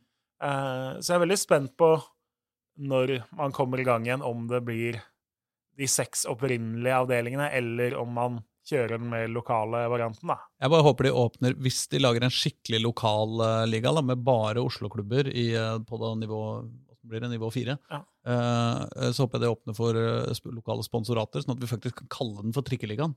Ja. Eh, men, men altså, da har du lag som ja, altså, Du har jo Nordstrand, for eksempel. Da. Ligger nedi der Ja, du har et sted. Nordstrand var jo Mm. Klart, det er, så, det er så lenge siden 2019, vet du. Det føles som en evighet siden. Det føles som man har Altså, hva veit vi egentlig om disse klubbene? Hvor det er, liksom, har du noe på ståa der, for eksempel? Da? I Nordstrand? Nei, Thomas altså, Holm henger rundt der fortsatt? De har jo, de har jo mista flere. De har jo mista både til Koffa, og de har mista til Grorud, og de har mista mm. De har Nordstrand har jo vært veldig seriøse i satsinga si med Thomas Holm som trener. og Mm. måtte, Det har jo vært en klubb flere har ønska seg til, fordi som tredjedivisjonsklubb så driver de veldig seriøst. Mm. Eh, og du kan liksom trene bra og utvikle deg bra der. Men Mm. halvannet år uten fotball, da, så forsvinner halve elveren din. Mm. Eh, må få inn nye. Det er vanskelig å si hvor de står hen, sånn ting er nå. Ja. Eh, Det er kanskje vanskelig å si hvor altså de, Dette gjelder vel alle lagene? Altså, Det- det gjør det jo, Men, men- men umulig å Ja. rangere, rangere noe som helst. I eliten så snakker de jo gjerne om sånn ja, vi trenger i hvert fall så og så mange uker for å trene oss opp før vi kan begynne å spille skikkelige kamper, og da skal vi ha noen treningskamper og sånn. Men det er klart, nedi, nedi eh, Norsk Tippingligaen så, altså, så trenger du jo flere måneder sannsynligvis bare for å finne ut hvem spillere du har som fortsatt ikke har fått eh, bekkenløsning, holdt jeg på å si, og eh, hofte, hoftedyslapsi siden sist. Jeg Ja. ser, jeg ser at de har, mista to spillere til Nardo. Og så som sagt den nevnte Bjørn Christensen til Grorud, som skåra. Og så en som heter Philip Rom Romsås, som har gått til Koffa. Som satt på benken nå på lørdag. Og så har det en kar gått til Færøyene. Oi! Fordi det er derfor han, han får mer spilletid på Færøyene i Norge. Ja, og da var valget enkelt. det Men, uh, men det er som du sier, Nordstrand er jo en veldig, veldig velorganisert klubb. Ja. Og de får Mm. opp uh, nye folk fra om- nærområdet. Og sånn som den opprinnelige avdelinga deres så ut, så var det i hvert fall en outsider oppe i toppen der til eh, De havna også i den der Nord-Norge-avdelinga, da. Sammen med eh, Det er jo fem lag fra Oslo fotballkrets og så ni lag fra egentlig spredd over hele Nord-Norge. Mm. eh, da, hvis verden hadde vært normal i 2020, så hadde de burde vært et topp tre-lag fort i den avdelinga der. Mm. Eh, Tror du Thomas Holm hadde bytta seg inn, eller? Ja, på noen, Han hadde helt sikkert sittet på benken. Det har vært mye rare navn på benken til en del av de klubba som har hatt Nord-Norge-turer. Det har det. Det er, det er noen trenere som har vært og spilt eh, minutter med for mange klubber. Eh, Mm.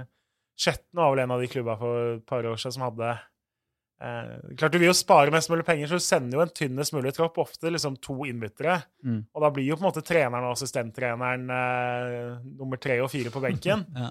eh, noen ganger enda nærmere enn det òg. Så nei, det, Thomas Holm kunne meget fort ha vært på banen der. Kjenner vi noen i Øst-Finnmark, Thomas?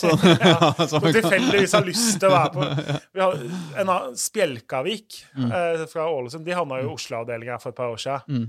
Da, Tor Hogne Aarøy var jo altså da trener for dem, og reservekeepere i de fleste av Oslo-matchene. Fordi og liksom, ok, Hvis du er andrekeeper for uh, dem Du gidder ikke å dra fredag formiddag og være borte til søndag morgen for å sitte på benken borte mot Drøbak, Frogn eller Oppsal, liksom. I hvert fall ikke når du har uh, to meter uh, keeper, Nei, to meter trener. eh, og du gidder liksom heller ikke betale de 5000 det koster for å få med han reservekeeperen når det er liksom så liten skjerf å bruke. Så da Så har du jo andre, andre lag nede der, så har du jo eh, på en måte naboklubben til, eh, til Grorud, da. Rommen. Ja. Eh, Åssen åssen lag er det, da?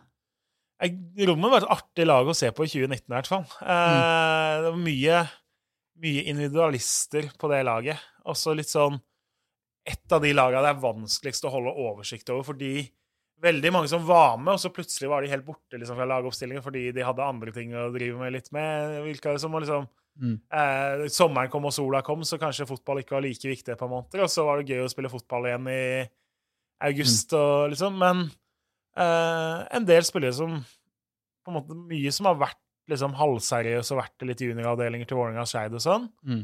Eh, og som på en måte har funnet litt sammen da i rommen. Eh, Det er kanskje litt skremmende, da, med tanke på at hva, hva de siste halvannet året har gjort med Hvis det er litt sånn solskinnsspillere, Ja, godværs, Men Og så har jo så har vel Rommen slått seg sammen med Vestli nå, er det ikke det? Så at det har blitt Stovner sportsklubb. Oh, har de det? Eh, okay, og det går vel hele veien opp til A-laget, jeg er ganske sikker på. Det burde jeg ha sjekka. Men eh, uh, det er jo klart, altså for de som ikke er fra Stovner, så har det vært vanskelig å skjønne på en måte Jeg har vært og spilt mot Vestli liksom bak Stovner-senteret. Mm. Eh, og så møter du Høybråten Stovner. Det er jo, det er jo en helt annen verden, hvor du kommer til liksom villastrøka bort på Høybråten. Mm.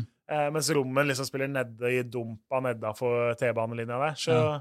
Jeg tror A-laget fortsatt går under navnet Rommen. Ja, eh, kan- i, i, i ja. Men jeg med, De har jo Kjell Sverre Hansen Wold som trener. gamle ja, Han som hadde Skeid på begynnelsen av 2000-tallet. Og, mm. og fikk jo æren for å få fram både Daniel Fredheim Holm og Daniel Bråten. Jeg snakka med, med Kjell Sverre ja, Hansen Wold nylig. og Han sa at de hadde De klarte å holde fire treninger i uka, sa han. Uh, selv om det var med begrensa Mm. hva de kunne gjøre. Mm. Og hadde snitt 16-17 spillere på trening. Ah, Men som du sier, det er eh, Plutselig kan ganske mange av dem være borte Mm. en stund, og så kommer de tilbake. Mm. Men, eh, men han, han sa at han, han håpa fortsatt på at det ble det serieoppsettet som var bestemt for i fjor. da. ja, det skjønner jeg jo. Og han tror det blir det hvis de klarer å komme i gang 1. juli, som den ligaen håper på. Mm. Men eh, da må, da må den beskjeden da komme inn 1. juni, er det vel? Ja, de trenger en måned, Ja, de ja. òg, på en måte. Altså, jeg, jeg tror viljen er veldig stor for å komme i gang med sesongen, så jeg tror de tar til takke med liksom tre ja, uker. Men Ja, altså, ja. noe opptrening må du ha før du skal spille som poeng. Så liksom si 5., 6., 7. juni, da begynner det å gå en absolutt grense der for, eh, Mm. for det. Siste østkantklubben i, eh, i, i, her er jo Oppsal. Eh, det er jo også en klubb vi hadde innom i, i på, på, på sendinga her Mm. for, no, for noen uker siden. Og det virka jo som et ganske godt mot, i hvert fall. Eh, En klubb som eh, har mye moro. Eh, Hva tror du om, hva tror du om De har laget. jo veksla veldig mellom annen- og tredjedivisjon siste året. Mm. Det er jo litt der de er. Mm. Det er jo en klubb som har ha 100 unger i hvert eneste kull. Mm. Nesten. Det er jo så mye lag og unger rundt det at det, Mm. Det er nesten umulig å ikke skape noen ålreite årganger eh, på Oppsal. Mm. Så de er jo liksom alltid på juniornivå, så kommer alltid mange opp der som kommer opp i egen stall og som de kan sende videre noen av dem òg.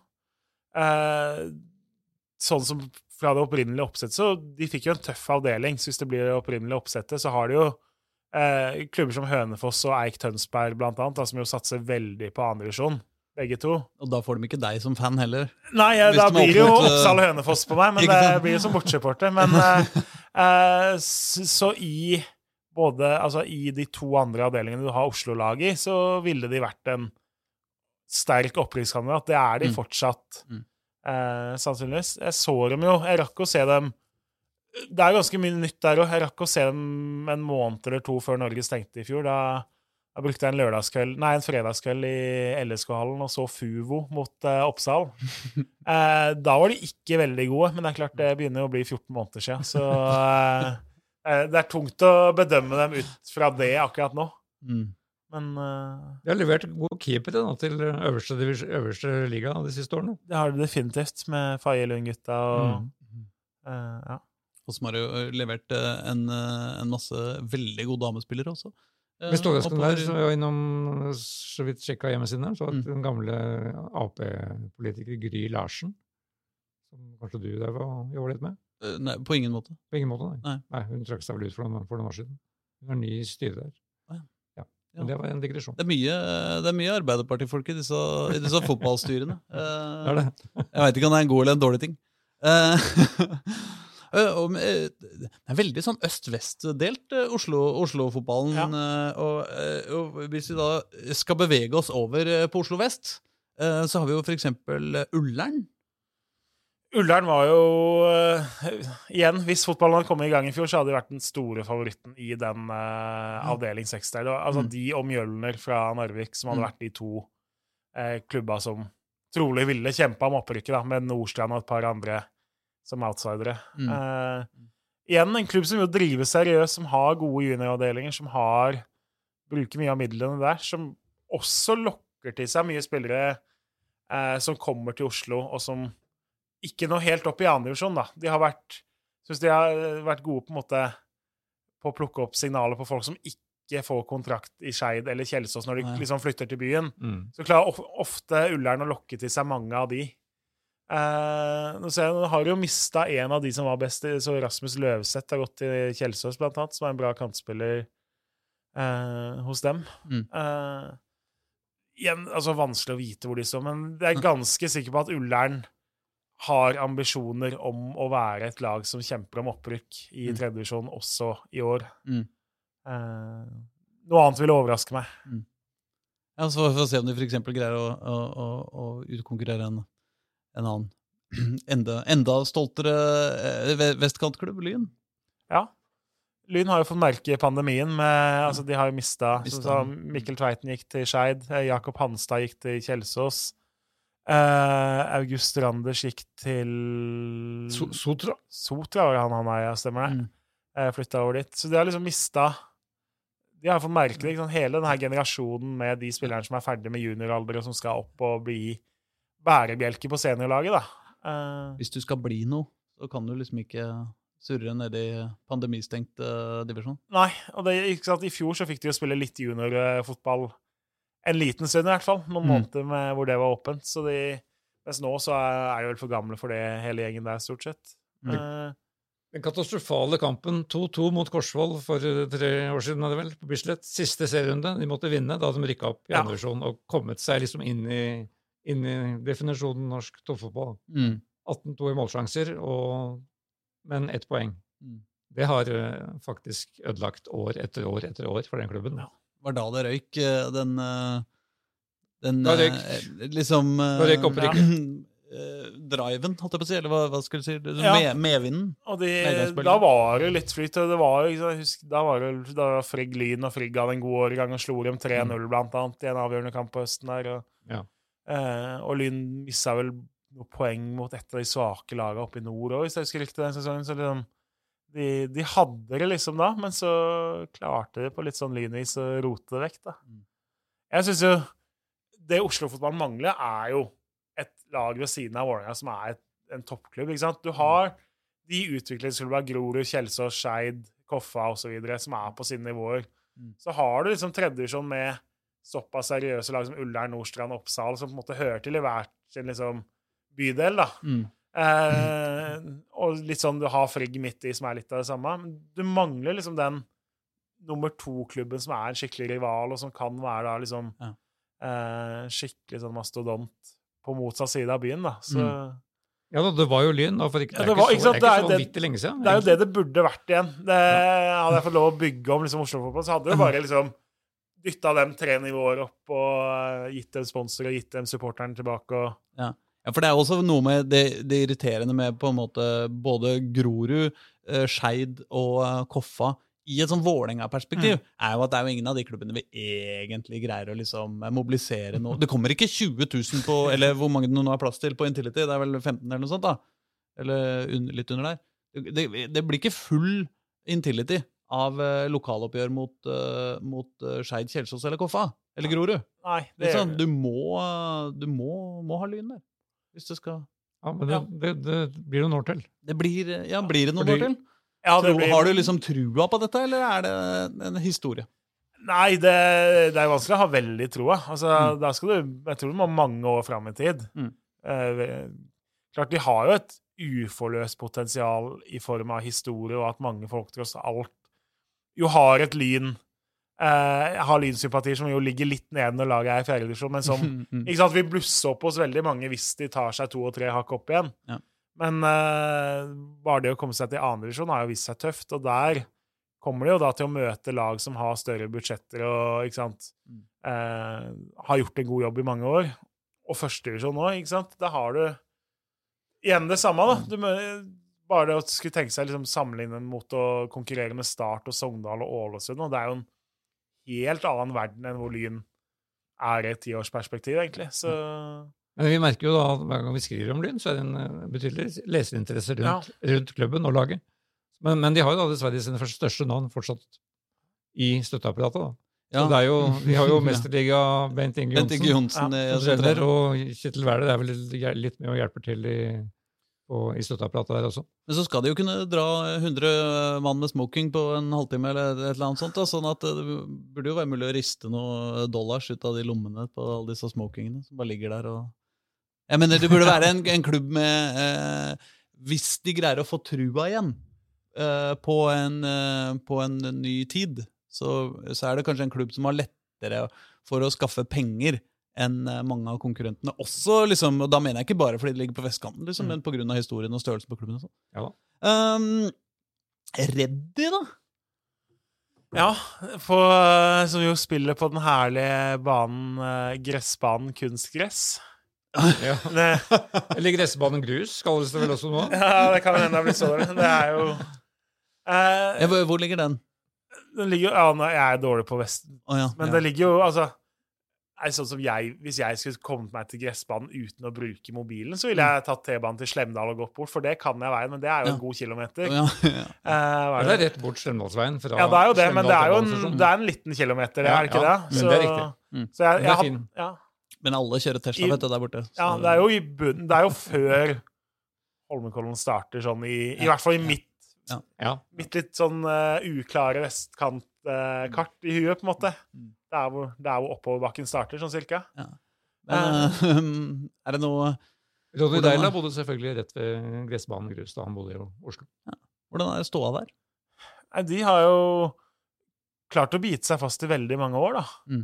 Jeg syns jo det er imponerende, fordi ofte mista spillerne sine som eh, Mange som går til Ullern som ikke er lang i turen, for eksempel. Mange Mm. som har eh, dratt hjem De har liksom henta liksom, funnet liksom, Det kommer folk fra Kongsberg og Tønsberg og liksom litt sånn fått tak i en del av de innflytterne der. Mm.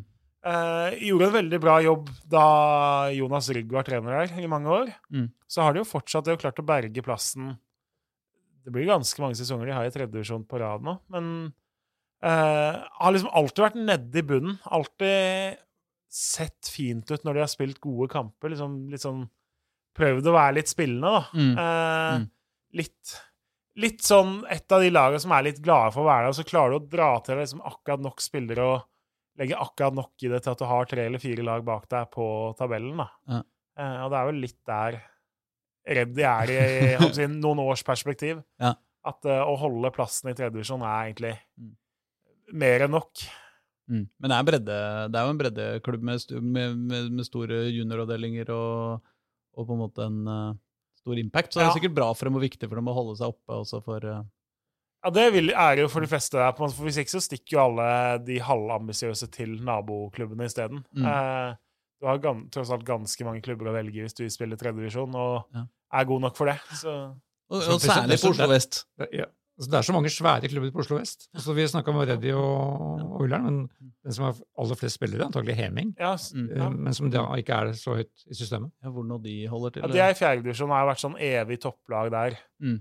Eh, hatt, det er vel mye andre- og tredjeplasser på dem de siste årene. Heming har fantastisk anlegg. Det er anlegg. Det er i Smestadkrysset. Mm. Litt overfor der. Ja, ikke sant. Nei, Slemdalkrysset, mener jeg. Slemdalkrysset, ja. ja. Eh, men uh, Frigg, da? Ja, Frigg er jo en av de Frigg er jo sånn litt for meg altså, Det er nesten ikke kompisklubb, men det er jo det er mange av de spillerne, hvis du går inn og ser på hvem som kommer til å stille til start i 2021, Ja. og så kan du gå tilbake til 2010, og så ser du liksom at backfireren var den samme, liksom. ja, ja. Eh, treneren er den samme, ikke sant? og de 14 som kommer på kamp, er definitivt de samme. Ja. Eh, de hadde jo en veldig god årgang her i 2018, da eh, de var med på å nekte Lyn-opprykket og nesten rykka opp sjøl. Ja. Eh, forsvant jo på en måte tre-fire av de beste da til klubber som betaler noe, i, mm. eh, i andredivisjon isteden. Mm. Eh, nå har de jo sendt egentlig Emil Pedersen gikk jo først gikk han til Vindbjart, jeg mener også nå spiller han for Start. Han spilte jo mest av 2019 i Frigg. Så, altså, Frigg er en av de klubbene som Klart det er jo mye historie i Frigg. Eh, det er Vi var jo innom det i forrige podkast, kan Mm. man si. De fikk jo masse penger på slutten av 70-tallet. Mm. Hvor ble de penga? Men det kan vi ta en gang. gang.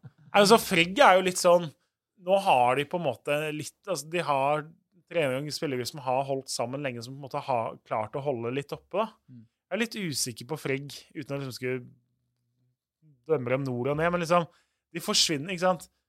Vi snakker om de her klubba som ligger litt i utkanten. sant? Oppsal, Nordstrand, Ullern. Mm. Måte, der bor det mange folk. Det kommer opp store ungdomskull.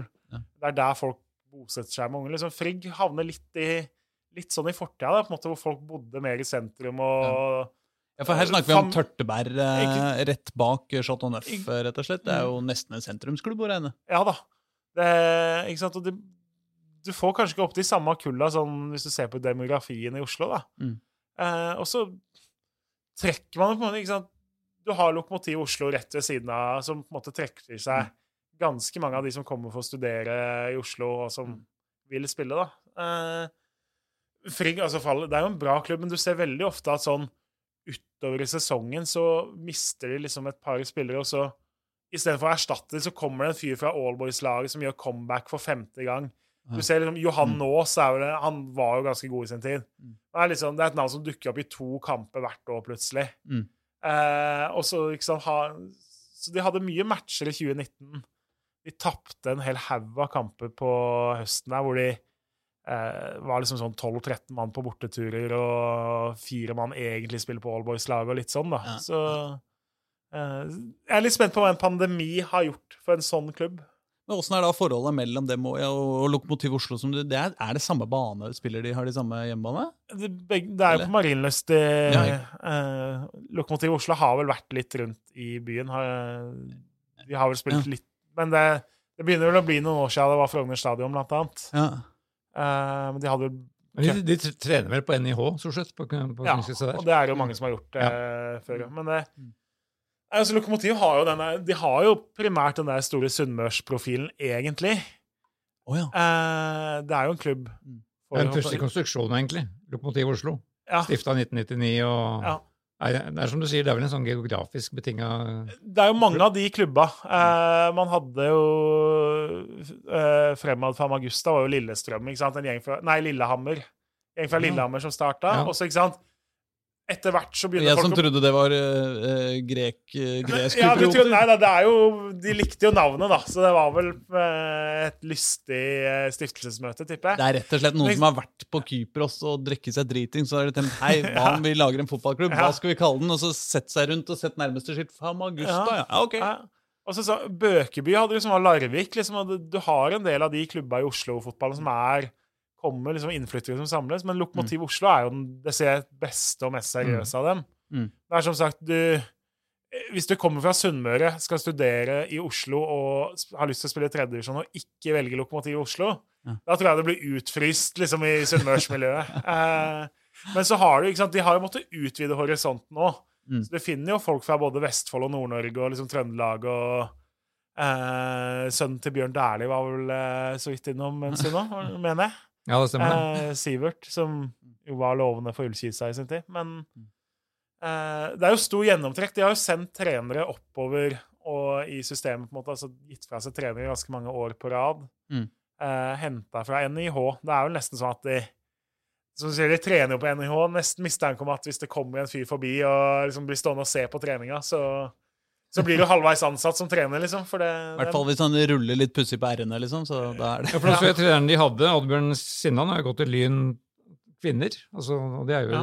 i topp, toppserien. Mm. Så nå er det da du og Stian Børven og Sigve Ravnåmo. Og begge de er studenter da på NIH, Ja. som da er nye trenere for i Oslo. Men da tror jeg jaggu vi Men er for, bare gjennom for å norsk nevne, ah, nei, bare, ja. for å avsl- bare en liten kuriositet med Frigg. Mm. Altså Magnus Odland, trener der, som du sier, i årevis. Han øh, er en morsom fyr, for han svarer stort sett ikke på telefon eller på e-post. Mm. Men han svarte meg da på e-post første juledag, selvfølgelig. Og Da fikk jeg melding fra han. og da var konklusjonen etter en lang, lang remse om hvordan spillerstallen så ut vi skal rykke opp. Så da vet vi i hvert fall ambisjonene. Frigg er i orden. Ja, men det er bra. Det er jo noen av oss som pleier å vaske huset eh, i forbindelse med jul. Eh, men han eh, tar det altså, gå gjennom årets e-post og, og svarer. Eh, altså, bortsett fra da Skeid 2, eh, som vel også er i norsk tipping i år. Så tror jeg vi da er gjennom den, den divisjonen, er vi ikke det? Det er vi da. Ja. Eh, Etter min så, men, men vi har også en masse spørsmål. Konklusjonen er jo at det er mulig å rangere dem, men det blir veldig Ja, spennende. Vi veit jo ikke hvem vi skal møte engang. på en måte. Eh, Det var jo sånn som, altså De her avdelingene hadde delt opp i tolv istedenfor seks. Mm. Så var det jo, da var det jo et voldsomt nivåforskjell på uh, avdelingene. Mm. Eh, jeg husker ikke hvem det var. men altså, det var noen, Jeg lurer på om det var Gjøvik-Lyn som var et av lagene som ville opp. Vi har havna i en sånn middels tøff avdeling, egentlig. Mm. Og så plutselig hadde de liksom bare fått med seg seks antatte bunnlag da, i den der Ah. uh, sjuerpulja si. Og liksom, du sitter der og bare ser at du har truffet jackpot, og så har du andre grupper hvor du liksom har samla fire av de ti beste lagene i tredje divisjon liksom i samme altså, eh, Du har bare tenkt geografi. eh. Så vi kan si Norsk Tippingligaen avgjøres i år på Ullevål stadion. Eh, Eh, ja, det, ja, det klart det måtte gjennom, I så fall måtte jo gjennom en kvalik mot en annen Ja. avdelingsvinner òg, da. Men eh, på det oppsettet så var det definitivt noen som var heldigere enn andre. Vi har fått inn en masse spørsmål. Et fra ehm, Undulatskap på Twitter, eh, som lurer på hva du syns om dette problemet. Og, og så linker han opp da altså saka om Oppsal, som har fått bot eh, 5000 kroner eh, fra, fra fotballkretsen for å ha trukket et lag som ikke har fått lov til å trene på, eh, på halvannet år, og, og dermed har gått i, gått i oppløsning, som har på en måte vært uh, ukas i Oslo-fotballen. Nei, det er, jo, det er jo vanskelig å si at man føler at det er veldig riktig. Jeg syns jo, synes jo det er merkelig hvis det skal være sånn nå i denne sesongen, Mm. sånn som det blir nå. For du kommer jo til å få et skred av klubber som Eller lag som er nødt til å trekke seg fordi du ikke klarer å stille, og folk har mista motivasjonen. Så nei, det virker særdeles firkanta av fotballkretsen, må jeg si. Og det er jo paradoks, eh, som vi skrev om her for noen uker siden. altså 2020 var da tidenes økonomiske plussår, både for Norges Fotballforbund og Oslo Fotballkrets. Ah, ja.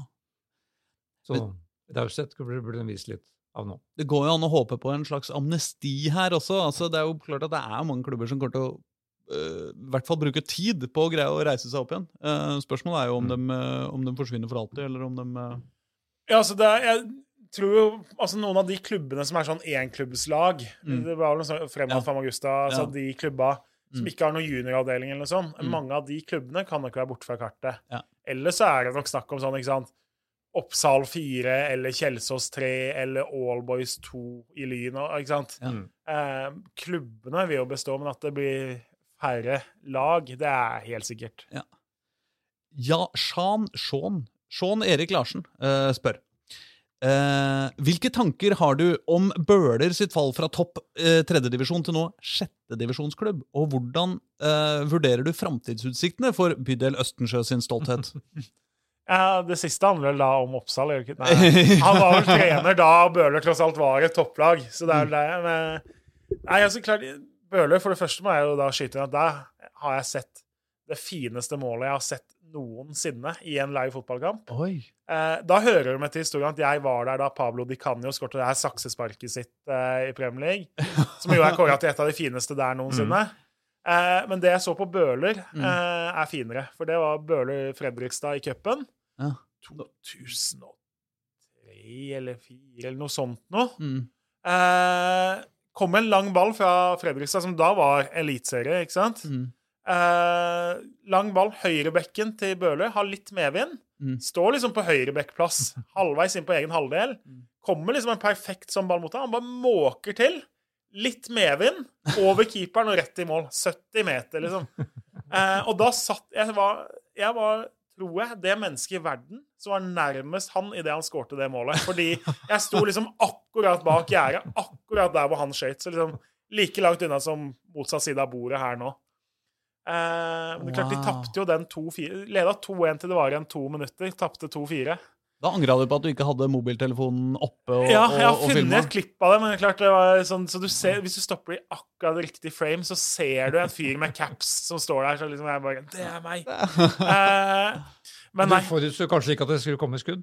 nei jeg, jeg så ikke det målet komme. Det var ikke derfor jeg sto Men uh, det er klart Bøhler var gode med han, men uh, nå så blir treneren slutter, alle spillerne slutter, du henter spillere som ikke er gode nok. Mm. Eh, du rykker ned og taper liksom 10 og 15 og 20-0 i hver eneste match. Da de rykka ned fra tredjedivisjon, det er vel et, en av de verste tredjedivisjonssesongene vi har hatt Mm. dette årtusenet, uten å overdrive. For det her satt jeg og prøvde å finne ut av i forbindelse med noen andre lag som var skikkelig dårlige her, Mm. og landa vel på at den Bøhler-sesongen var vel i hvert fall bunn tre noen lag har gjort i tredjedivisjon dette årtusenet. Og det har vært mye snodige lag oppe i eh, tredjedivisjon dette årtusenet, kan jeg si. Bøler har hatt, Eh. hatt en eh, hatt, altså, Til å være en så flott bydel, så, så må jeg si at Bøler har fått mye juling både på den ene og den andre måten. Ja. Men det er klart, De har jo forsvunnet helt fra fotballkartet. da, på en måte. Mm. Og det, det er jo Oppsal som på en måte driver seriøst der nå. ikke sant? Og så er ikke veien veldig lang til Nordstrand hvis du ikke liker Oppsala. en. Så Mm. ser jeg for meg at Bøler har en stor jobb før de skal bli noe annet enn en sånn veldig bred breddeklubb. Men Haraldløkka er et veldig sjarmerende anlegg. Det er det. Det skal de ha for, og det vil alltid være der. Du snakka i stad om hvordan det ville være å være eh, hvordan, Hva du ville tenkt hvis du var Skeid-fan. En som er Skeid-fan, eh, er eh, vår faste, flittige innspørrer, som vi er så takknemlige for, Jonny Normann Olsen, som har mange spørsmål. Og La oss Ja. begynne med det første. Hvor imponerende er det at Lokomotiv Oslo har klart å spille fem strake sesonger i tredjedivisjon? Ja, nei, altså Det er som vi var inne på da vi om det, det er jo imponerende å holde en klubb på en måte uten noe fundament nedenifra. ikke sant? Det er Mm. kun snakk om eh, førstelag, et andrelag, og så har du vel hatt et damelag også. Men Mm. ikke sant? ikke noe junioravdeling. Ingen som Mm. Hvis de tre-fire som bryr seg om klubben, går litt lei, så for, da dør jo klubben på to måneder. Ja. Eh, så det er veldig imponerende av de som holder liv i klubben og får det til å gå rundt. Mm. Og så ser man jo på en måte alle andre lag som er i tredje divisjon. Det er hardtsatsende klubber fra ikke sant? Hønefoss, Gjøvik, Lyn, Eik, Tønsberg fra ikke sant? Middels store byer sine toppklubber. Masse andre lag. Eh, også ikke sant, masse lag som er sånn bydelsklubber i Ber i Bergen og Trondheim og Oslo. Så, så Også en kompisgjeng fra Sunnmøre, liksom. ja, også en kompisgjeng fra Sunnmøre som mister halvparten av spillerne på sommeren fordi da er de ferdig med studier og skal hjem til Sunnmøre. ikke sant? Ja. Så, så nei, jeg er imponert over det. Jeg synes jo Jeg er veldig glad for at det fortsatt er plass til den type klubber i tredjedivisjon, selv om tredjedivisjon har blitt liksom mye mer seriøst enn det det var før. Pluss et fint navn. Det skal de ha. Ja, det skal de ha. Og en kul logo. Uh, bør bydelsklubber som Det er fortsatt eh, Jonny som, Ja. eh, som spør her. Bør bydelsklubber som Rommen, Ullern og Gjelleråsen være fornøyde med å etablere seg i tredjedivisjon, eller er det noen av disse klubbene som bør ha ambisjoner om spill i høyere divisjoner? Nei, ikke sånn som det fotballkartet er nå. Eh, Tredjedivisjon, topp tredjevisjon, kunne lukte på opprykk kanskje en sesong i andredivisjon nå og da, liksom. Mm. Eh, men det nåløyet til opp til andredivisjon, det er jo trangt. Det er jo bare å spørre Lyn, som jo Mm. har prøvd i veldig mange år nå. Så da sier det seg selv at eh, mindre ambisiøse klubber bør holde ambisjonene deretter. Det er ikke noen grunn til at Gjelleråsen skulle gå forbi Lyn og klatre, klatre opp og forbi Lyn på fotballkartet, liksom. Nei, det er absolutt ikke det, selv om stadig flere flytter til Nittedal. på en måte. Og, Eh, har du noen tanker om hvordan Korsvoll på få år har falt fra andredivisjon og helt ned til femte? Oi, godt spørsmål, ja. Eh, nei, altså de, Ja, det er et godt spørsmål. Men det, det var jo også en sånn gjeng Det var jo relativt lite utskiftning på det laget de hadde i andre og forsøkte en stund i tredje divisjon. Mm. Eh, når de først datt ned fra tredje divisjon, så var jo det litt ikke sant? Andre divisjon gikk fra fire til to avdelinger. Mm. Tredje divisjon gikk fra tolv til seks avdelinger. Det ble mye trangere i toppen.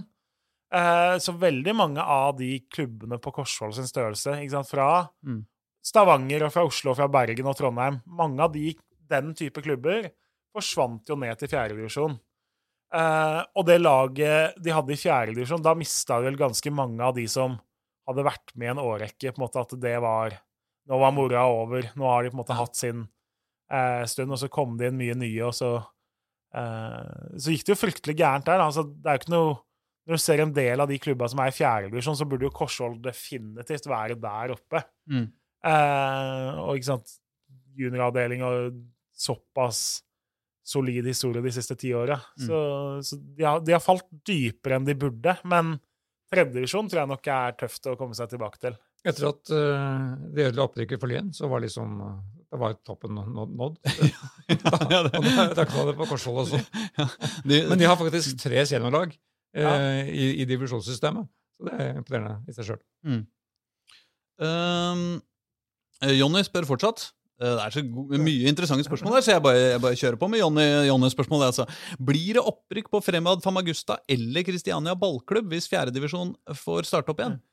Altså svarte vel noen at Fremad er historie nå, tydeligvis, på den tweeten. Så det, hvis de har lagt inn årene, så blir det definitivt ikke opprykk på dem. Nei, det Og de, det er jo også en klubb som eh, har vært fornøyd med å være i fjerdedivisjon og hatt mer enn moro nok der. Mm. Er jo laget til Frode Lia, Ja. eh, som jo trener dem. Mm. Josemar, tidligere ja. Josemar-redaktør. En interessant klubb, eh, på en måte. Veldig interessant. og sant? Han har jo veldig tro på det prosjektet. på en måte får, får inn mange av de som har falt litt utafor i toppklubber ganske tidlig. da. Mm. Eh, og masse talent. Og jeg fikk høre da de slo Årvoll her, eh, for å si det sånn. Eh, så veldig spennende prosjekt, men jeg er liksom litt usikker på der òg hvor langt ambisjonene strekker. Men uh, at det er en klubb som tenker litt annerledes og uh, er blant de bedre klubbene i fjerdedivisjon hvis vi kommer i gang, det kan det jo være. Hadde vært moro, da. Ja, det er jo litt kult med de som har litt plan bak det. Altså, det er jo en tanke bak det å liksom, skulle være en litt alternativ vei for de som faller litt utafor i toppklubbene. da. Mm.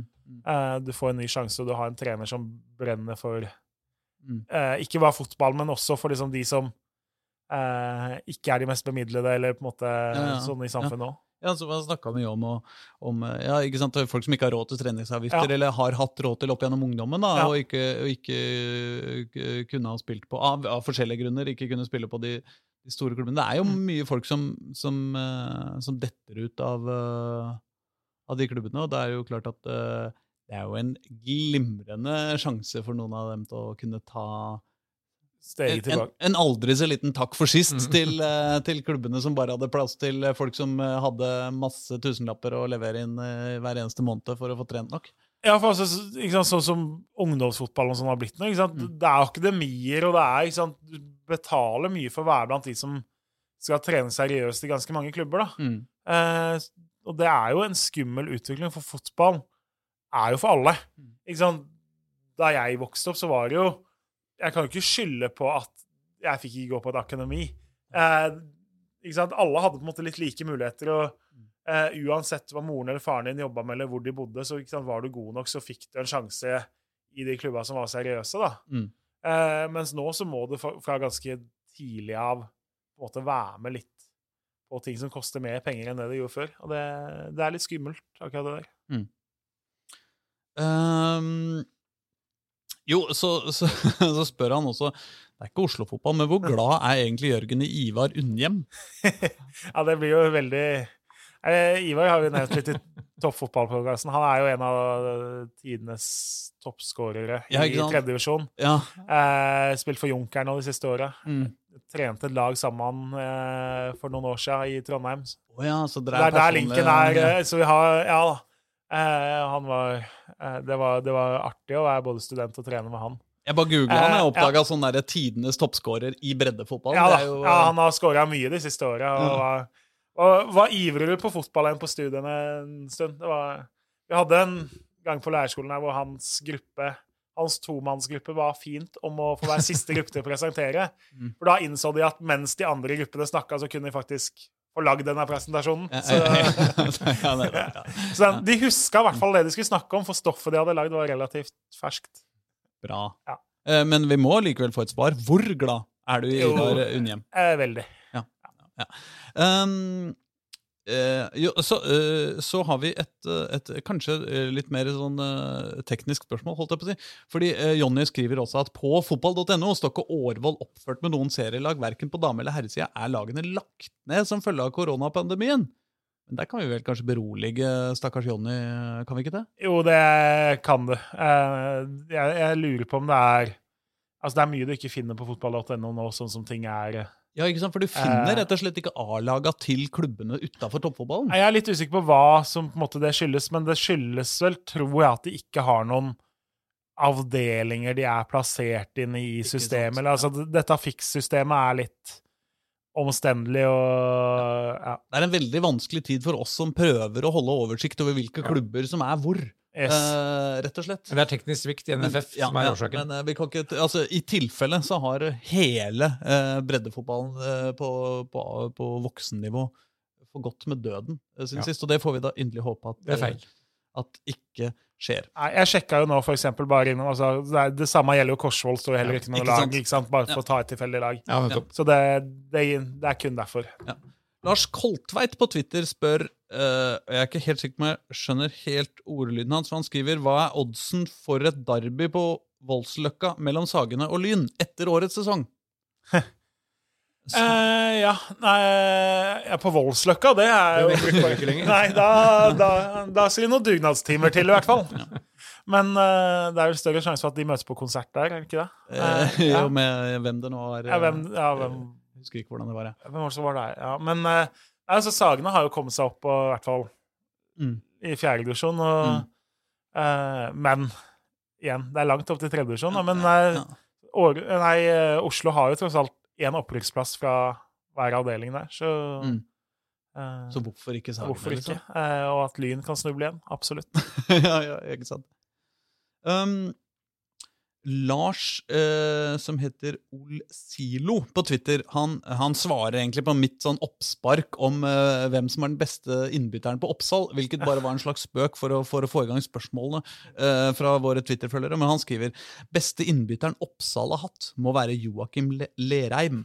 Kvalitetstegn å kunne sette inn han fra benken. Han herjer for øvrig nå på Bølers A-lag, med en rekke unge lokale spillere fra Østensjø. Bøler til Post Nord i løpet av et par år nå. Par år nå. Har du, du har ikke, men du, dette har du ikke helt trua på, kjente jeg fra i stad. Nei, vi får se. Bøhler får gjøre mine ord til skamme, da, tenker jeg. Jeg blir, blir overraska hvis det er Post Nord der i løpet av 25 år. Ja, ja, ikke sant. Um, Uh, en, en sak som har vært oppe uh, i, den, uh, i den siste tida, er også sammenslåinga av Rustad og Abelse. Uh, har du fått med deg det?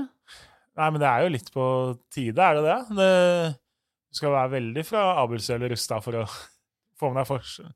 Altså, Altså, de alle, hater alle, som, hverandre! alle som spiller Norway Cup, og liksom skal du til Rustad eller Abelsø eller liksom Merkantilbanen, eller hvor skal du spille? Liksom, det, jeg tror det er et årlig mareritt for de som skal forklare lag fra andre steder, det. Synes det høres ut som gamle Oslo øst, det. Men eh, Ja. det Ja, bare, det. bare få med Manglerud Star også, så Ja, er, ja, det- så er det Spille litt opp på Lambertseter der, eller ja. eh, Fra Håkon Thon har vi fått inn et spørsmål. Eh, hva tror du om framtida til Klemetsrud? Er det noe håp?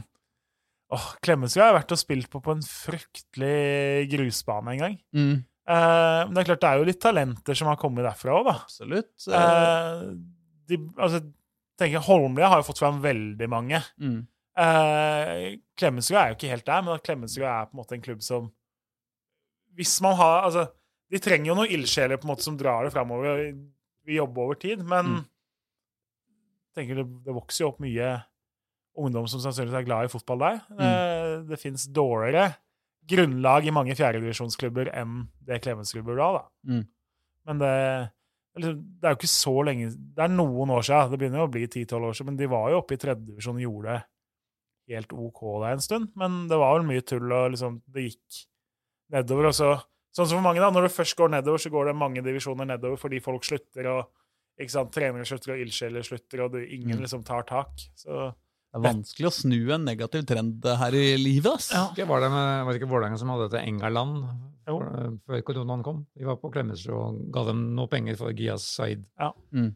Said-arven. Og da var det jo vanvittig mye folk der. Mm. Fotballspillende guttunger som, og jenter Ikke sant? som løp rundt der. Det er, det er jo Og det har jo toppfotballen også vist de siste åra, at på Oslo sør Mm. er det jo sjukt mye fotballtalent. Ja. Ja. Uh, så, det, så, så det kan jo være at vi på et eller annet tidspunkt får en av klubbene der oppover i, oppover i systemet også. Holmlia var jo på vei for noen år siden, men Mm. de har også slått tilbake. da. Det var vel nærmere toppen bunnen nesten i fjerdedivisjon i 2019 òg, selv om de Mm. liksom Da er det jo et potensial Altså, de har mer enn potensial til å være tredjedivisjon, eh, tenker jeg.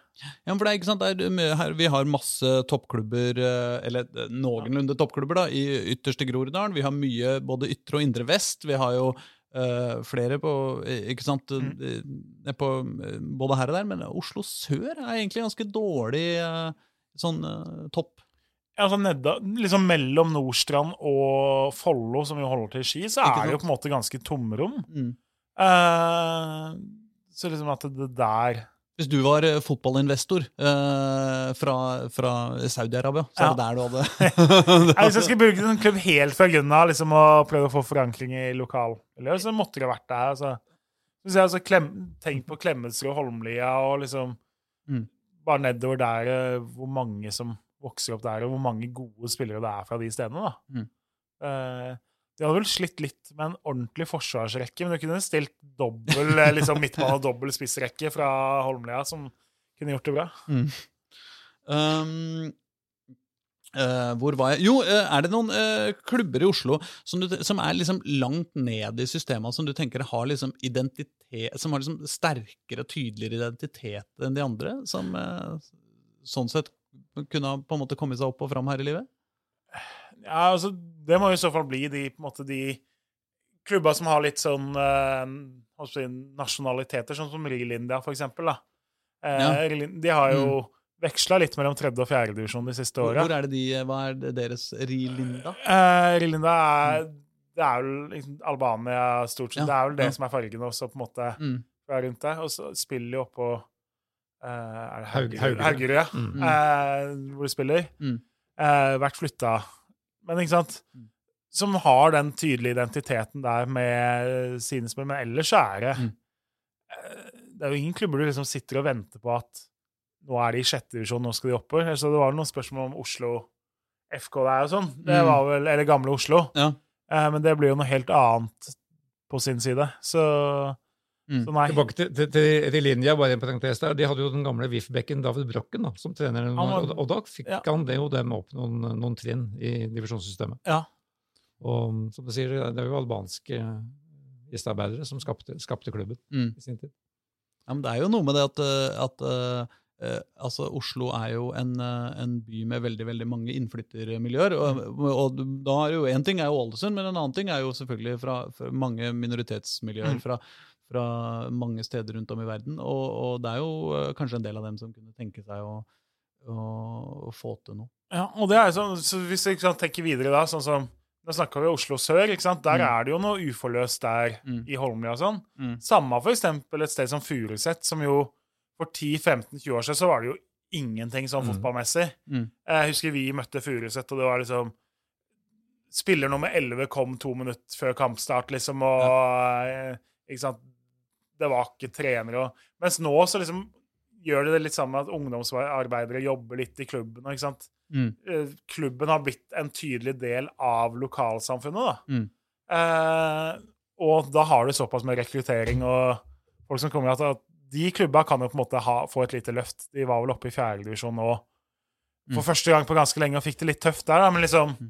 kan pushe opp igjen eh, dit. Så, men det er veldig langt fra å kunne være en klubb som på en måte gjør seg i fjerdedivisjon, sånn som Furuset Holmlia, sånn, Ja. og kanskje opp i tredjedivisjon, men liksom opp til annendivisjon er det et hav fotballmessig for alle disse klubba. Ja. Spørsmål fra Jørn her. Eh, Hvor ble det av Grane, Norges første cupmester? Ja, det er en gang Ja, er ikke det Jeg kan ikke historien her godt. Det Er ikke Grane Er ikke det offen Nei? Dette, dette er ganske tilfeldig, for jeg driver og leser en bok som heter, bibelbok som heter Sporten, Og det under Slagstad. Mm. I en helt annen sammenheng så måtte jeg studere fotballhistorien. Grane vant da de to, spilte de to første cupfinalene i Norge, i 1902 og 1903. Og så tror de at klubben ble nedlagt i 1907. Ja. Så det var det, De, det, de er fra Nordstrand. Måtte De er fra sjekke, det var, det var ja. noe der som sammen. Så, Ja. sånn, ja. Men, men, men, men, men problemet med de to første cupfinalene er at det er, det, er en, det er tvil om den det hele tatt ble spilt. Den første, første, første cupfinalen var egentlig del, en del av et friidrettsstevne som ble arrangert på Frogner stadion. Mens den andre cupfinalen i 1903, da skriver han eh, Rune Slagstad at, um, at um, sannsynligvis var den cupfinalen bare en semifinale. For de skulle egentlig møtt um, akademisk fotballklubb i finalen. Så hadde ikke Odd tid til å vente, så de måtte hjem til Skien. Så den kamp, finalen, det som egentlig skulle vært finalen, ble aldri spilt. Så han tror at, uh, at, at den cuphistorien startet egentlig bare at NFF følte behov for å sette et startpunkt. Ja. Og da starta de med Derfor ble Grane, som da er fra Nordstrand, faktisk, Norges første cupmester. Uten at de selv visste det da. For det, det hadde ikke status som, som cup. Offisiell norsk cup. Pussig historie om gravene. Men de, jo da, de lyser jo da i den norske cuphistorien. Vi skal uh, begynne å runde av. Uh, men altså, nå er det bare sånn helt på tampen. Det er jo da uh, Vålerenga-Rosenborg uh, etter alt å dømme. Nå begynner, nå begynner, ja, Moroa begynner snart. Det er det Moroa si. begynner snart. Ja.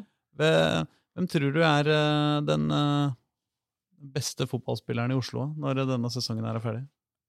Jeg tenker Fra Oslo, eller i Oslo? I Oslo. Eh, nei, Aron Debnem har vi snakka om at forsvinner jo sannsynligvis. Ja. Eh, så beste spilleren som er, befinner seg i Oslo by når Ja. vi feirer jul, det er Osame Sarawi. Du tror det? Ja.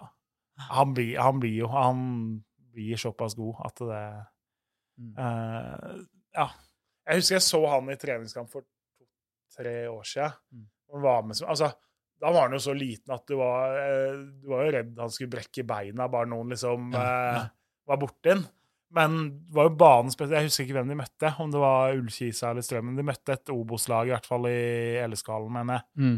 Og herja, liksom, da. Så at han har kommet opp og blitt så god så fort det er, eh, på A-lagsnivå, det er kjempegøy. Han kommer til å ha mye hockeyassists i 2021, tror jeg. Ja.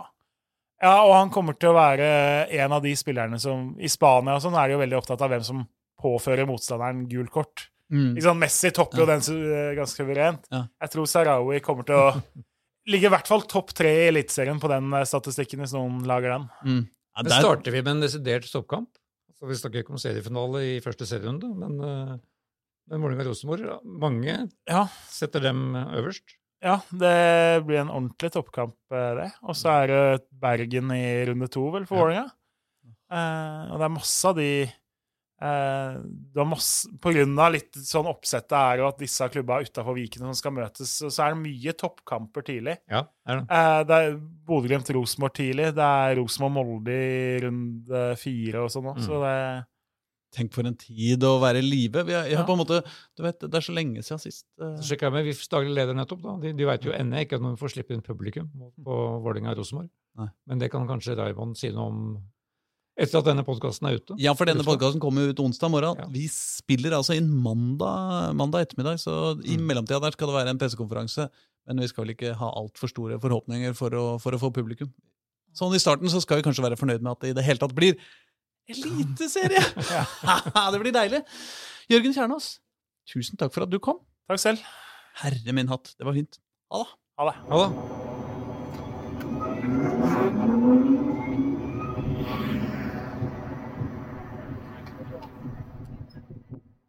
Du har hørt en podkast fra Dagsavisen. Ansvarlig redaktør heter Andreas Heen Haaland Karlsen.